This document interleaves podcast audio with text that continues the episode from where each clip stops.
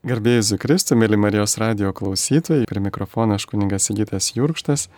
Šiandieną mūsų laidoje yra medicinos profesorius Andrius Macas, kuris yra anesteziologijos klinikos vadovas, Lietuvos sveikatos mokslo universiteto medicinos fakulteto dekanas. Sveikinuosi su jumis, sveiki, garbėjus Zukristai. Per amžius. Labai džiaugiuosi, kad sutikote ateiti laidą ir mes Praeitoje laidoje kalbėjome, kodėl Dievo sukurtame pasaulyje tiek daug skausmo.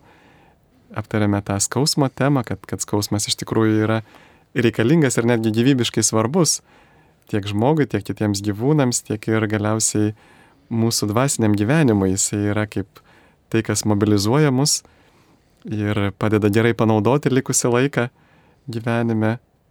Ir jeigu norėsite, galite paklausyti to, tos laidos įrašo mediatekoje Ir šiandien mes pratesime tą temą ir panagrinėsime tam tikrų filosofų, ypatingai graikų filosofo Epikūro argumentus.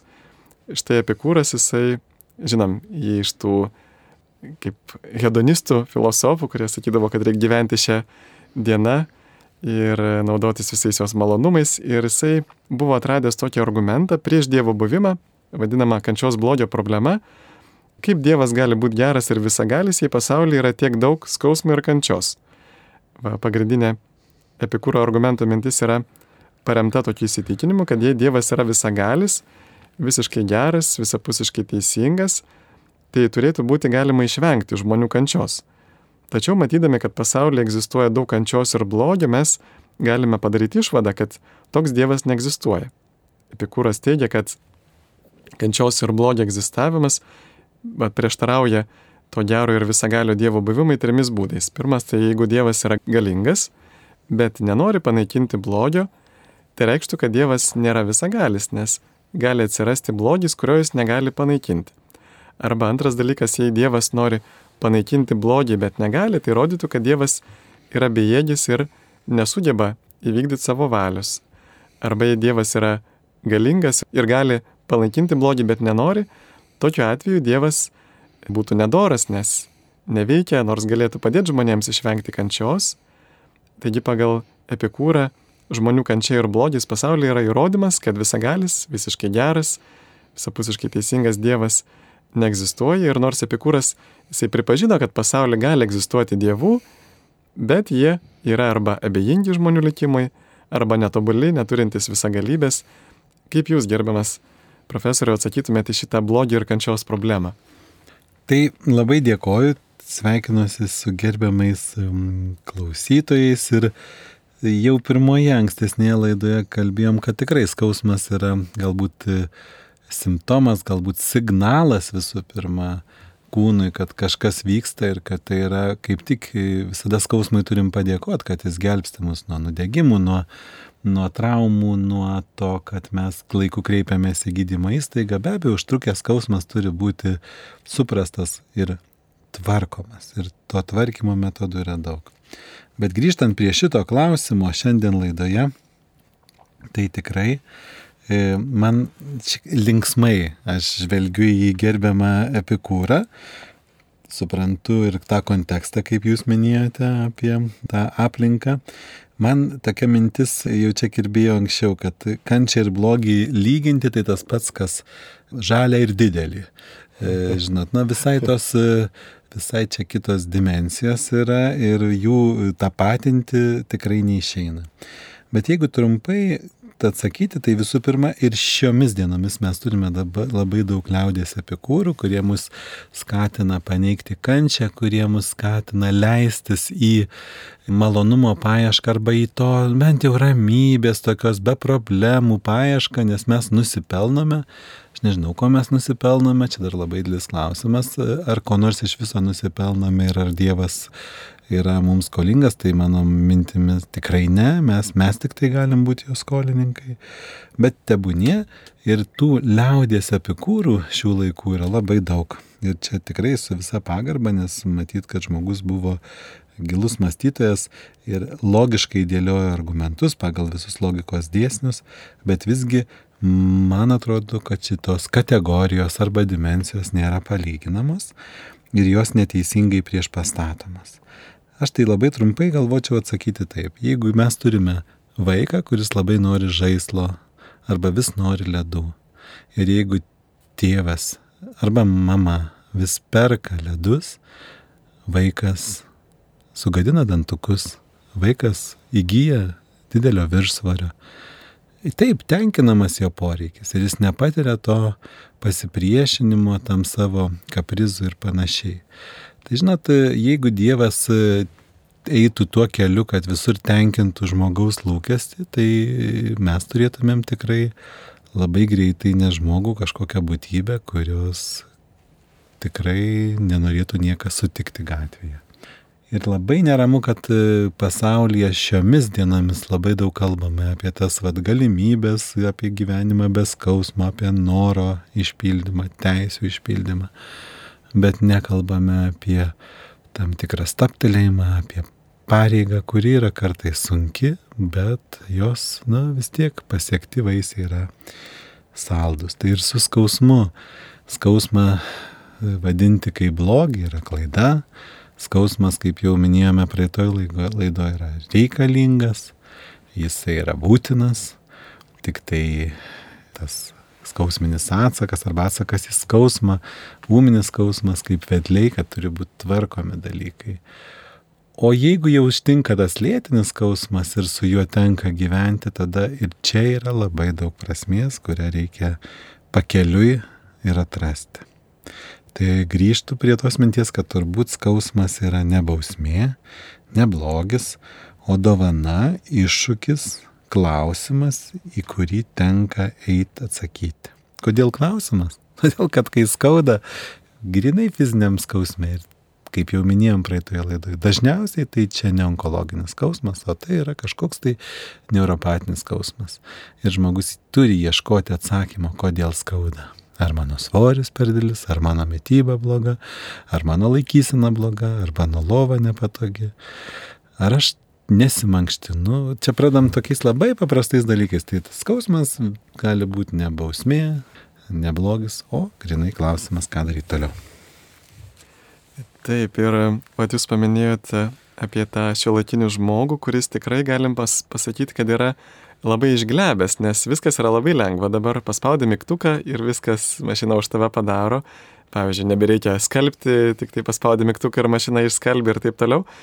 Ir kartu E, kai žmogus įpranta prie malonumų, čia turbūt irgi smegenyse tam tikra, e, va ypatingai priklausomybėse turbūt suveikia tam tikras mechanizmas, ar ne, kad reikia tada vis daugiau dirdiklių ir vis stipresnių, kad tu patiri vieną malonumą ir tada reikia vis stipresnio, vis didesnio malonumo. Tai žmogų daro tokį labai išglebus ir nepajėgų iš viso netgi susidoroti su gyvenimo išbandymais. Vis didesnės dozės reikia. Taip, taip. Arba kažkokio tai mantrios įmantraus dalyko. Taip, tikra tiesa, atsiranda priklausomybė. Taip. Ir kartu, vat, visgi jeigu grįžtant prie, prie to, vat, kaip minėjot, kad Dievas neduoda visko, ko mes prašome, tas tiesa ir tas tikrai atrodo logiška, bet vat, konkretus atvejis, pavyzdžiui, jauna mama susirgo vėžiu, jį vienintelė prižiūrėjo šešis vaikus, visa šeima ir visi vaikai nuoširdžiai meldėsi, kad jį išgyventų ir jį neišgyveno, jį numirė šeši vaikai paliko į atiduoti į vaikų namus. Ir kur tada Dievas atrodo, kad nu, arba jis negirdė, arba jis tiesiog apleido žmonės. Va kaip tokia situacija žmonėms. Tikrai taip atrodo, pirmas žvilgsnis toksai, bet reiktų galvoti, kas po to nutiko. Mes turime masę vaikų, kurie netiduodami, kurie auginami labai rūpestingų tėvų, tėvai kartais kovoja su lygomis, kartais puikiai nugyvena sveiką gyvenimą, bet visgi neišeina neišeina tiem vaikam pasiekti gerų rezultatų arba būti darai žmonėmis, atrodo, tiek stengtasi, tiek daryti. O kartais tie vaikai, kurie sukrėsti, atrodo tokia baisi nelaimė, bet užauga, kaip žmonės sako, žmonėmis, matė ir šilto, ir šalto, matė ir vergo, ir ašarų, tada supranta kitų skausmus. Ir turim pripažinti, kad tie vaikai, kurie augę nepritekliuje, kurie turėjo Atsimenat savo tėvus turbūt arba tie, kurie augo dar pokarį, kai reikėjo ir iki mokyklos basomis nueiti, kai batus gaudavo tas vaikas, kuris pirmas iššokdavo į batus, kiti eidavo rudenį be batų, kai reikėdavo ir gyvulius pasišerti, ir, ir pamelžti juos, kad būtų ką grįžus valgyti. Ir, ir matom, kokius, kokių jie pasiekė aukštumų, visko buvo. Buvo ir nesėkmių, lyg čia negali taip labai suprimityvinti ir nubriežti, kad čia bus gerai. Tai ta mamos netektis gali būti kaip tik didžiulis postumis visam gyvenimui. Ir vėlgi, kaip ir anoj laidoje minėjau, kad kartais nelaimė, didelė nelaimė gali apsaugoti nuo labai baisios tragedijos, kur mes nežinom, kas būtų, jeigu būtų. Taip, ir čia irgi dar man kilo mintis, matant, e, kad ir artimo žmogaus vargą, va pavyzdžiui, iš savo gyvenimo prisimenu, kad e, aš gyvenau su mama tik tai ir mama viena turėjo manimi rūpintis ir vienu momentu, kada jie išmetė iš darbo ir aš dar buvau mažas vaikas, ir jinai turėjo gyvenime kažkaip tai va, kabintis ir save ir mane išlaikyti. Ir prisimenu, jinai irgi tokį labai labai sunkų darbą dirbdavo, kur reikėdavo jai keltis antrą valandą nakties ir su didžiulėmis, didžiulėmis tašėmis važiuoti su autobusu, ten užsimti naktį vietą, laukti ten pirkėjų ir taip toliau. Ir man kažkaip tas momentas, kuris jai buvo kaip pragaras, man tai buvo toks kaip didžiulės jos meilės man įrodymas, kad va tenai štai šitaip stipriai vargsta dėl, dėl to, kad galėtų mane užauginti, kad man nieko netrūktų.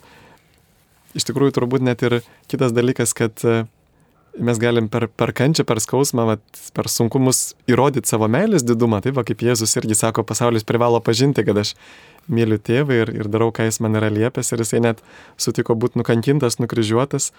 Bet kartu dar kitas dalykas, kad, kaip sakoma, svetimo skausmo nebūna, taip ir kad, nu, kol tu pats nesi patyręs tam tikrų dalykų, tu negali užjausti kitų.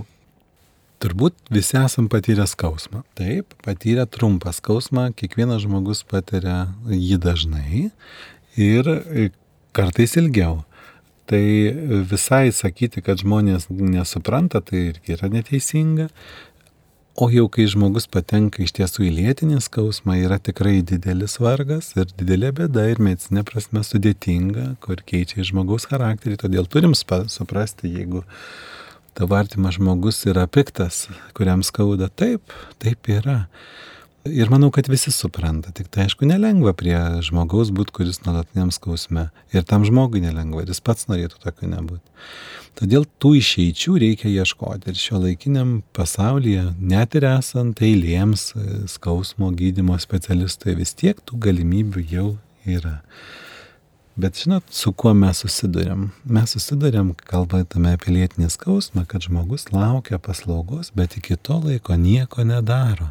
Jisai turėtų daryti. Jeigu tau skauda, jeigu tau onkologinė prasme skauda, tu gausi skausmo malšinimą greičiau arba jį tikrai reikia kuo greičiau išsireikalauti. Bet jeigu tau skauda ne onkologinė, o vat kažkokia nugara, tai aš grįžtu prie to, ką kartą, ką mes darom, kad sumažint svorį ką mes darom, kad maitintis tais produktais, kurie tikrai rodyta, kad yra palankus mūsų organizmui.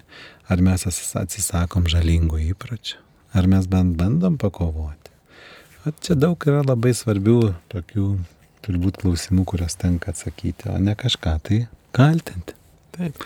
Ir tas, bet jeigu žiūrim vėlgi tikėjimo prasme, iš švento rašto matome, kad Dievas yra gailestingas ir tas gailestingumas yra jo didžiausia savybė, paradoksalu, bet e, tiek gamtoje, tiek žmonių gyvenime būtent tie išbandymai, kančios daro mus gailestingesnius, panašesnius į Dievą. Ir va, kuo aš daugiau esu išgyvenęs tų įvairių nelaimių, kančių, tuo aš įgyju gailestingesnį širdį, gebančią atjausti. Ir labai įdomu, kad va čia mes visi cituojame tokius žodžius, kad išlieka stipriausi, bet iš tikrųjų tai nebuvo Darvino žodžiai, bet buvo tokio kito filosofo, bet pats Darvinas yra sakęs, kad išlieka nestipriausi, bet e, išlieka daugiausia simpatijos, bet jis turėjo mintį atjautos turintis, turinčios populacijos. Ir vėlgi kiti biologai irgi pastebi, kad evoliucija vyksta link didesnio altruizmo ir didesnio rūpinimosi savo palikuonimis. Tai va kaip įdomu, kad, kaip sako medis pažįstamas iš vaisių, kad va visa, visa tai, kas mums atrodo ten netgi žiauru, visa kita, o pasirodo visa tai veda link didesnio altruizmo, link didesnio rūpinimosi kitais.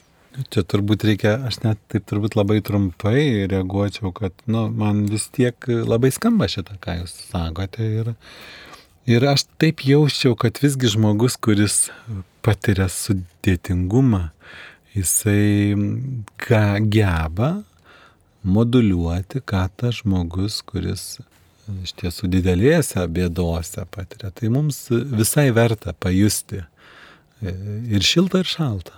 Ir ir sėkmės ir nesėkmės, kad galėtumėm adekvačiai suvokti aplinką, mūsų supančius žmonės ir grįžtų prie praeitos temos, pasiruošti tam, tikram, tam tikrai kelioniai, kuri neišvengiama, kas bebūtumėm - turtuoliai, bėdžiai, ar, ar sėkmingi, ar nesėkmingi, mūsų visų laukia tas pats.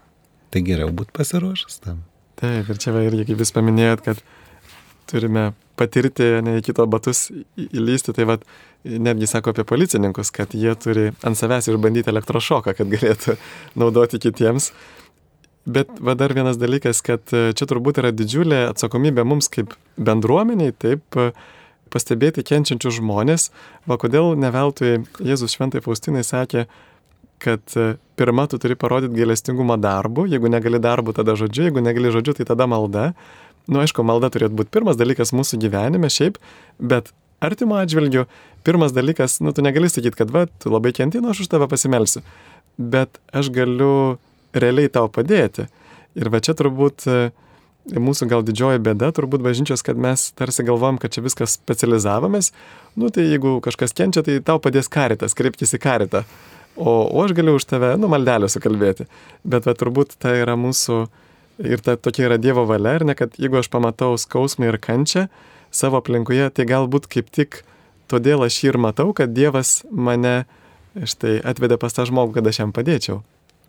Taip, e, pradėsiu nuo to, kad aš gal oponuočiau, nereikia visko patirti, kad galėtum sunuoti, ką kiti jaučia, nes tada, žinot, reikės patirti ir visus gundimus tada ir jiems pasileisti, kad žinotum, žinai, kaip čia yra. Taip, taip. Tai narkotikų priklausomybė, ar ne? Ne, tai to tikrai nereikia įsivaizduoti ir, ir policijos pareigūnam tikrai nereikia ant savęs išbandyti elektrošoko, kaip ir medikam, gydytojam nereikia ant savęs išbandyti visų diagnostikos ir gydimo metodų. Atsiprašau žodį tą formuluoti ant savęs, bet labai aišku.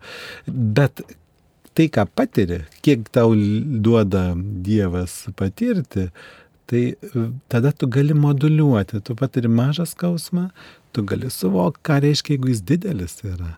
Ir tu tada gali tą atjautą pajausti žmogui. Viskas taip. Labai verta klausyti, matyti ir būti jautriam aplinkai. Taip. Taip, ir, ir turbūt va, ne veltui ir mergelė Marija duoda tą tokią, jos užtarimu tokią malonę, kartais verčiančios statulos, pavyzdžiui, verkiantis paveikslai, verkiančios ikonos, na, tarsi bando atskleisti tą motinos skausmą dėl žuvančių sielų ir kad mes realiai kiekvienas galim padėti kitiems, va, kaip ir Fatimai mokė, ir ne, kad mes melstumės, mano Jėzu atleis mūsų kaltes, apsaugok mus nuo pragaro ugnies, nuvesk į dangų visas sielas, ypač tas, kuriams labiausiai reikalingas tavo gailestingumas. Taigi Dievas pats ir, ir mergelė Marija kartu su juo prašo mūsų parodyti gailestingumą kitiems, tiek darbu, tiek žodžiu, tiek malda. Ir turbūt labai dažnai mes irgi pamirštam, kad apsileidimas darant gerą, va tiesiog tas laiko išvaistimas savo pramogai leidžia kitiems žmonėms kentėti, nukrojuoti ir numirti. Ir, ir va kokia turėtų būti atsakomybė už tai, ką aš turiu, ypatingai už savo, už savo laiką. Ir dar va grįžtant prie filosofo Epikūro, aišku, jis yra pasakęs ir kitų, pavyzdžiui, visai išmintingų dalykų. Pavyzdžiui, savo bičiulis jo paklausė, kodėl tu visada esi ramus ir nenusimeni, dargi tada, kai tave ištinka nelaimė. Ir Epikūras ramiai atsakė, didelės nelaimės trumpalaikės, o mažos nevertos dėmesio, tai ko man kankintis ir nusiminti. Bet jis patikė ir kitų argumentų prieš dievų buvimą, va čia dar vienas Epikūro argumentas, jei dievai kištųsi į mūsų gyvenimą, tai reikštų, kad jiems kažko trūksta, bet būdami tobuli jie nesikiša. Va kaip jūs dabar atsakytumėt? Žinot, jo, tai man primena šitą tokį argumentavimą, jisai toksai tikrai čia logikos seka, loginio mąstymo seka, bet jisai išsidėsto X ir Y ašyje. Jeigu tu filosofuoji plokštumoje, tai labai logiškai skamba. Bet ar tikrai mūsų gyvenime yra tik plokštumos? Tikrai ne. Yra daug daugiau. Tai man toks trumpas būtų atsakymas, kažkur aš pasigendu trečios dimensijos, kuri būtų ta, ta zetašis arba kai jau mes kalbam apie turinį indą, ne apie plokštumą, ne apie sieną, bet apie kambarį. Ir va čia tada jau atsirastų visai kitokia argumentacija. Šita atrodo labai logiška, bet jinai grinai plokštumoje, bet tik ir tiek. O kur perspektyva, kur, kur trečioji dimensija, kurios įrodymų netiesioginių ženklų mes turime tiek daug. Ir tie patys filosofai, jeigu pradėtų klausti, paimtų kitą plokštumą, kas yra kūrėjas, arba kaip kažkas atsirado, kas buvo prieš tai, kas kol atsirado, žinot, va tada ir va jau atsirastų jau antra plokštuma ir mes sudėliotumėm tą turinį indą arba va, tą kambarį, kurioje labai paaiškėtų, kad visgi yra, yra ta perspektyva ir, o jeigu atsakyti taip labai paprastai, na tai Dievas, net ir mūsų, kodėl nesikiša, ar ne, kodėl Dievas neparodo, nepagrumuoja pirštelių, tarkim, aš darau kažkokį tai blogą dalyką, man skauda nugarą, Ir kodėl nenusileidžia ir sako, žmogau, nu gal jau atsipeikėk. Tai visų pirma, kad jis myli mūsų laisvę arba absoliučiai pagerbė laisvę. Ir tas pagerbimas daro mus, tik įrodo, kad jis mus sukūrė panašius pagal tą savo paveikslą. Ir ta pagarba yra ne tai, kad begalinė, bet nediskutuojama. O jeigu Dievas vis nusileidinėtų arba per, per angelus mojuotų, grumuotų, tai mes gyventumėm tokiai policiniam pasaulyje, kur tu tik tai pakeli ranką, tau iš karto raudonas šviesaforas. Tai yra tokių valstybių, kurios dabar viską filmuoja ir nusiteikia kiekvienoje vietoje baudos taškų parašyti. Na tai visai nepatiktų mums taip ir sakytumėm, koks čia tas dievas, prievaizdas kažkoks tijūnas, kur čia su bizūnu stovi, tai koks tas gyvenimas. Nėra prasmės ir dar po mirties reiks su juo ten būti. Tai, nu, ne, aš tai sakyčiau, kad Dievas gerbia mūsų laisvę vienareikšmiškai ir kviečia įsiklausyti, kviečia žiūrėti. Ir dar aš dėl skausmo, žinot, skausmas ir blogis. Kas yra blogis, tai yra turbūt labai aišku, dešimt Dievo įsakymų. Meluoji, blogis, nemeluoji, gerai. Žudai, blogis. O kur skausmas yra parašyta, kai vardintas kaip blogas? Nu, nėra, čia tokia viski šiek tiek sugrįžimas. Tai manau, reikia visų pirma matyti, kad Dievas e, absoliučiai mumis pasitikė kaip laisvais ir suteikia absoliučią laisvę. Ir nereguliuoja, bet kviečia atkreipti dėmesį ir pasirinkti jį. Taip, jeigu mes dar turim ir, ir sąžinę, va tą Dievo balsą, kuris švelniai mums kalba, bet e, kiekvienas žmogus, jeigu norėtų klausytis, jį galėtų išgirsti, mus perspėja, tarsi toks vidinis kompasas. E, gerbiami klausytojus, girdite laidą, e, šiandien kalbamės apie tai, kodėl Dievo sukurtame pasaulyje atrodo yra tiek daug skausmo, jau yra laidos antra dalis ir su mumis yra gerbiamas medicinos profesorius Andrius Macas, Kauno anesteziologijos klinikos vadovas, taip pat medicinos fakulteto dekanas sveikatos mokslo universitete. Ir e, štai mes tęsime toliau mūsų pokalbį. Dar Epikūras yra pasakęs, kad e, viskas pasaulyje aklas atsitiktinumas. Bet va, kai jūs medicinoje studijuojat žmogaus kūną, ar jums panašu, kad jis atsirado atsitiktinai, Nu, ar susidaro toks vaizdas, kad žmogaus organizme yra pilna nereikalingų organų, kad jie yra prastos kokybės, neoptimaliai veikiantis, neoptimaliai suderinti. Nu, pavyzdžiui, kad protingas žmogus padarytų daug geriau negu kažkokia akla kvaila atsitiktinė evoliucija. Ir kai žvelgi į vidinės sistemas, kaip Jūs galvojate, ar čia yra daugiau chaoso negu tvarkos? O ne, žmogaus organizmas yra, na, tokia kūrybos, jeigu taip sakyt, kūrybos fenomenas arba ta viršūnė, jeigu sudėt dar ir žmogaus gebėjimą mąstyti greta kūno, bet jeigu net atriboti, vien tik tai nagrinėti kūną, tai tai, ką matome mes, kad jis taip yra surėdytas, iš tiesų kaip e, tūkstančiai šveicariškų laikrodžių vienoje vietoje, kurie turi neįlinį gebėjimą adaptuotis. Mes, kad suvoktumėm, ką žinome, pavyzdžiui, apie vieną organą, atrodo, tarkim, inkstai, čia tik tai, na, šalinam skyščius ir, ir nereikalingas medžiagas, bet inkstai turi dar dešimtis ypatingų funkcijų. Būtent be šitų funkcijų mes tikrai, na, pražūtumėm. O tada oponuojantis gali sakyti, kad jeigu žmogus vat, susirga inkstų lyga ir netenka inkstų, tai tas, tas, ką daro inkstai, perima kitos mūsų, kiti mūsų organai. Labai įdomus dalykai, labai sprendimai organizme mūsų yra unikalūs ir mano įstikinimu žmogaus organizmas yra unikalus. E, dėl atsitiktinumo, tai vienas iš Dievo vardų mes žinome yra atsitiktinumas, tai galima jį vadinti, žinot, kaip jeigu kas žiūrėjo tokį nežinau, vaikišką, nevaikišką filmą ir ten e, tokia princesė Fiona sako, kad šrekai šrekai, jinai apsipažįsta, į Katiną pavadina. Į Katiną sako, kad na tau galiu būti ir šrekas. Tai jeigu e, pageidauja kažkoks mąstytojas e, sakyti, kad čia viskas atsitiktinumas ir tik tai taip supuolė, tai kaip ponuliui patogiau, tai galim ir vadinti, kad čia atsitiktinumas. Bet, žinot, nieks nesukurtumėm tokio organizmo kaip žmogus. Ir e, visi, ką mes ten žmogus bando išmokti klonuoti, tai bus tik tai pabandymas atkartoti, prigauti kažkokią tai sistemą ir atkartoti, bet savo sukurti. Ką mes galim savo sukurti, mes tiek metų tūkstantmečių kuriam, bet va, taip riboti esam. Ir tą savo ribotumą matomis niekas nebus. Nei dirbtinis intelektas, tuo labiau, kad ir kaip numastys ir nusimastys arba pasieks mąstymo viršūnį, vis tiek jos bus tam tikra riba, žinot, kaip trajektorija raketos skrydžio, kur vat, aukščiau ir neišeis pakilti. Kažkas dar aukščiau dar, bet jinai vis tiek bus baigtinė. Jo, ir tikrai jūs paminėjote apie tuos dirbtinius bandymus sukurti. Aš prisimenu, kažkoks buvo projektas, net milijardinis, e, sukurti dirbtinę žmogaus širdį. Ir kad ir kiek jie vargo, vis tiek jiems nepavyko tokio organo sukurti, kuris vat, bent jau iš dalies perliktų širdžiai. Ir tų dirbtinių mėsyčių yra kurtų, kur jau čia mes nereiks viską į parduotuvę atvežti, tik tai dirbtinės mėsos arba audinio, bet nelabai tos mėselės skanios ir, ir nelabai kol kas jos, o tas kol kas jau aš 40 metų nuo mokyklos suolo girdžiu, kaip čia bus viskas skanu ir gerai ir nėra. Taip nėra ir nėra.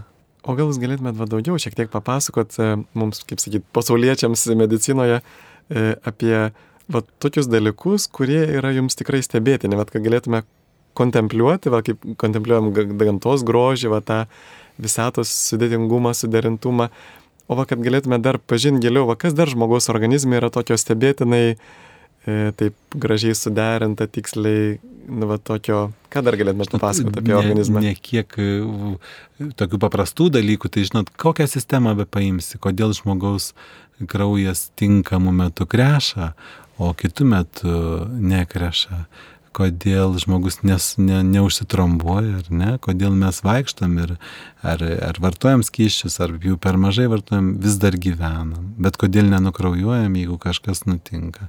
E, man turbūt ir tokį, kiekvieną ką be paimsi, paimk širdį, kodėl jinai nepavargsta tiek metų. Tiek mm. metų, juk raumuo mūsų pavargsta. Nu gerai, čia kažkoks specialus raumuo, bet kodėl ją veda kažkoks vedlys. E, kodėl jinai plaka? Kodėl jinai plaka. Na gerai, yra ritmo vedlys, čia yra laidžioji sistema, bet vis tiek tokių, vad ką be paimk, paimk žmogaus širdį, paimk žmogaus plaučius, tokie keisti, e, keistas audinys. Įdomiausia turbūt, kaip žmogus masto, kaip mintis gimsta tuose tarptų neuronų. Net ne reflekso lankai, kuriuos mes čia išmokinti, ar ne, kurie irgi svarbus, apie skausmą kalbėjom, kad atitraukiam ranką dėka skausminio dirgiklio, reflekso lanko ir taip toliau. Bet kaip gimsta mintis, kaip mes filosofuojame. Ir čia viskas žmogaus E, tokia aukščiausia turbūt, bet kodėl žmogaus organizmas man atrodo ypatingas, net lyginant prieš kitą gyvūnyje arba prieš kitas rūšis žemėje gyvasias, tai tas gebėjimas mąstyti, gebėjimas sintezuoti, gebėjimas daryti kažkokias tai išvadas. Tai klausimas, kaip gimsta mintis mūsų smegenėse? Ar jau galima atsakyti? o dar turbūt labiau atsakysiu iš savo srities anesteziologijos. Mes žinome, kaip mums reikia, kad užmigdyt pacientą ir kad jam neskaudėtų ir kad jis būtų atsipalaidavęs trijų pagrindinių komponentų.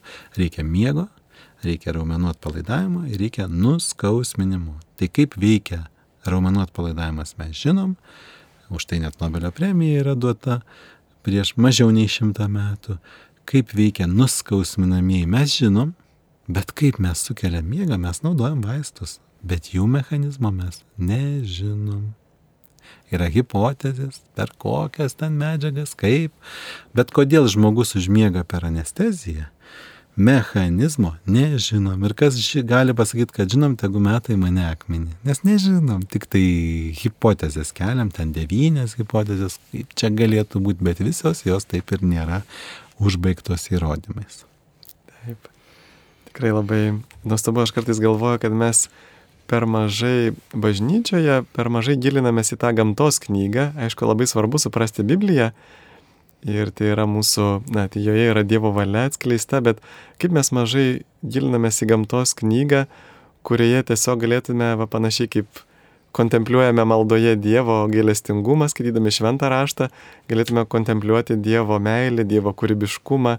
Va štai kokios nuostabios yra tos uh, organizmų sistemos, įvairūs augalai ir taip toliau. Ir man atrodo, visas tai, visą tai žmonės turėjo, tai iki Darvino.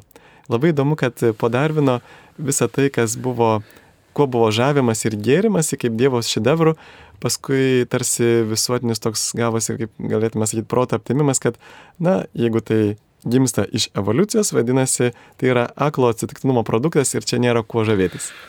Jo, bet aš visai e, matau, man ši evoliucijos e, teorija visai neinterferuoja su Dievo kūrimo planu ir Dievas irgi ne per akimirksnių driokstelėjo, jisai kūrė, tai buvo procesas, tai jo diena, nieks nežino, kiek trunka žemiška diena, gal jisai, ta išmintis, jeigu paimti patarlių knygą, ar ne, ir va ten paieškoti tą Dievo išmintis ir tie sudėtingi procesai, kaip jis juos nustatė, kaip išbandė, jis kūrė reiškia, buvo procese, kaip dabar madinga sakyti. Taip, aišku, aš nenoriu paneigti visos evoliucijos teorijos, bet būtent apie tą, kad jinai yra būtent atsitiktinė. Taip, ja, bet aš manau, aš tai pagrindę pasiemu, kad tai yra labai neblogai kai kur vėlgi e, tam tikrą pateiktą idėją mes turim pripažinti, kad yra, jinai veikia, nu, negali sakyti, kad čia, e, vėlgi, nėra čia ką prieš pastatyti. Gal Dievo ir planas buvo, kad toliau organizmas pats save įdėtas, kad jisai vat, tobulintų ir prisitaikytų toks kaip, kaip galiu sakyti, dirbtinis intelektas, taip, ne, taip. kur pats organizmas e, sprendžia. Bet jis irgi ribotas galimybės turi, va čia grįžtant prie dirbtinio, kad ir kaip sprendžia, bet va turi tik tai tam tikras adaptacinės galimybės. Taip. O va štai dar viena epikūro mintis. O mirties bijoti nereikia, nes kol esame mes, mirties nėra, o kai mirtis bus, tai nebebus mūsų. Čia irgi tokias gražus. E, loginis žaismas Ta. ir čia negali su tuo nesutikti. Žinot, yra tokių gražių pasakymų, aš prieš daugelį metų girdėjau, na, kad gyvenimo nereikia labai bijoti, vis tiek iš jo gyvas neišeis, ar ne, nu kažkaip pergyventi. Tai čia visai atliepti galima. E, iš tiesų, bijoti ne, reikia veikti, reikia daryti gerus darbus, kuriuos sunku daryti, pripažinkime, atrodo, opa, ir padarysiu. Kartais tais gerais darbais mes klaidų padarom, norim labai gerą daryti, o pasirodo kažkam tai meškos paslaugą padarom.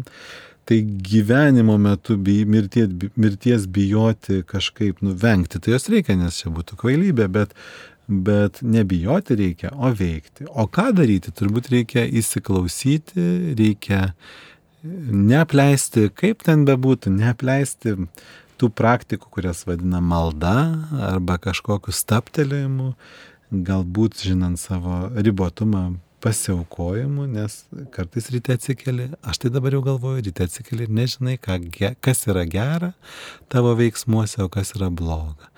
O tai tada belieka pasives Dievui ir sakyt, kad, nu, žiūrėk, nelabai čia aš čia orientuojasi ir kasdien nežinau, ką daryti, jeigu gali, tai, nu, gali, tai būk geras.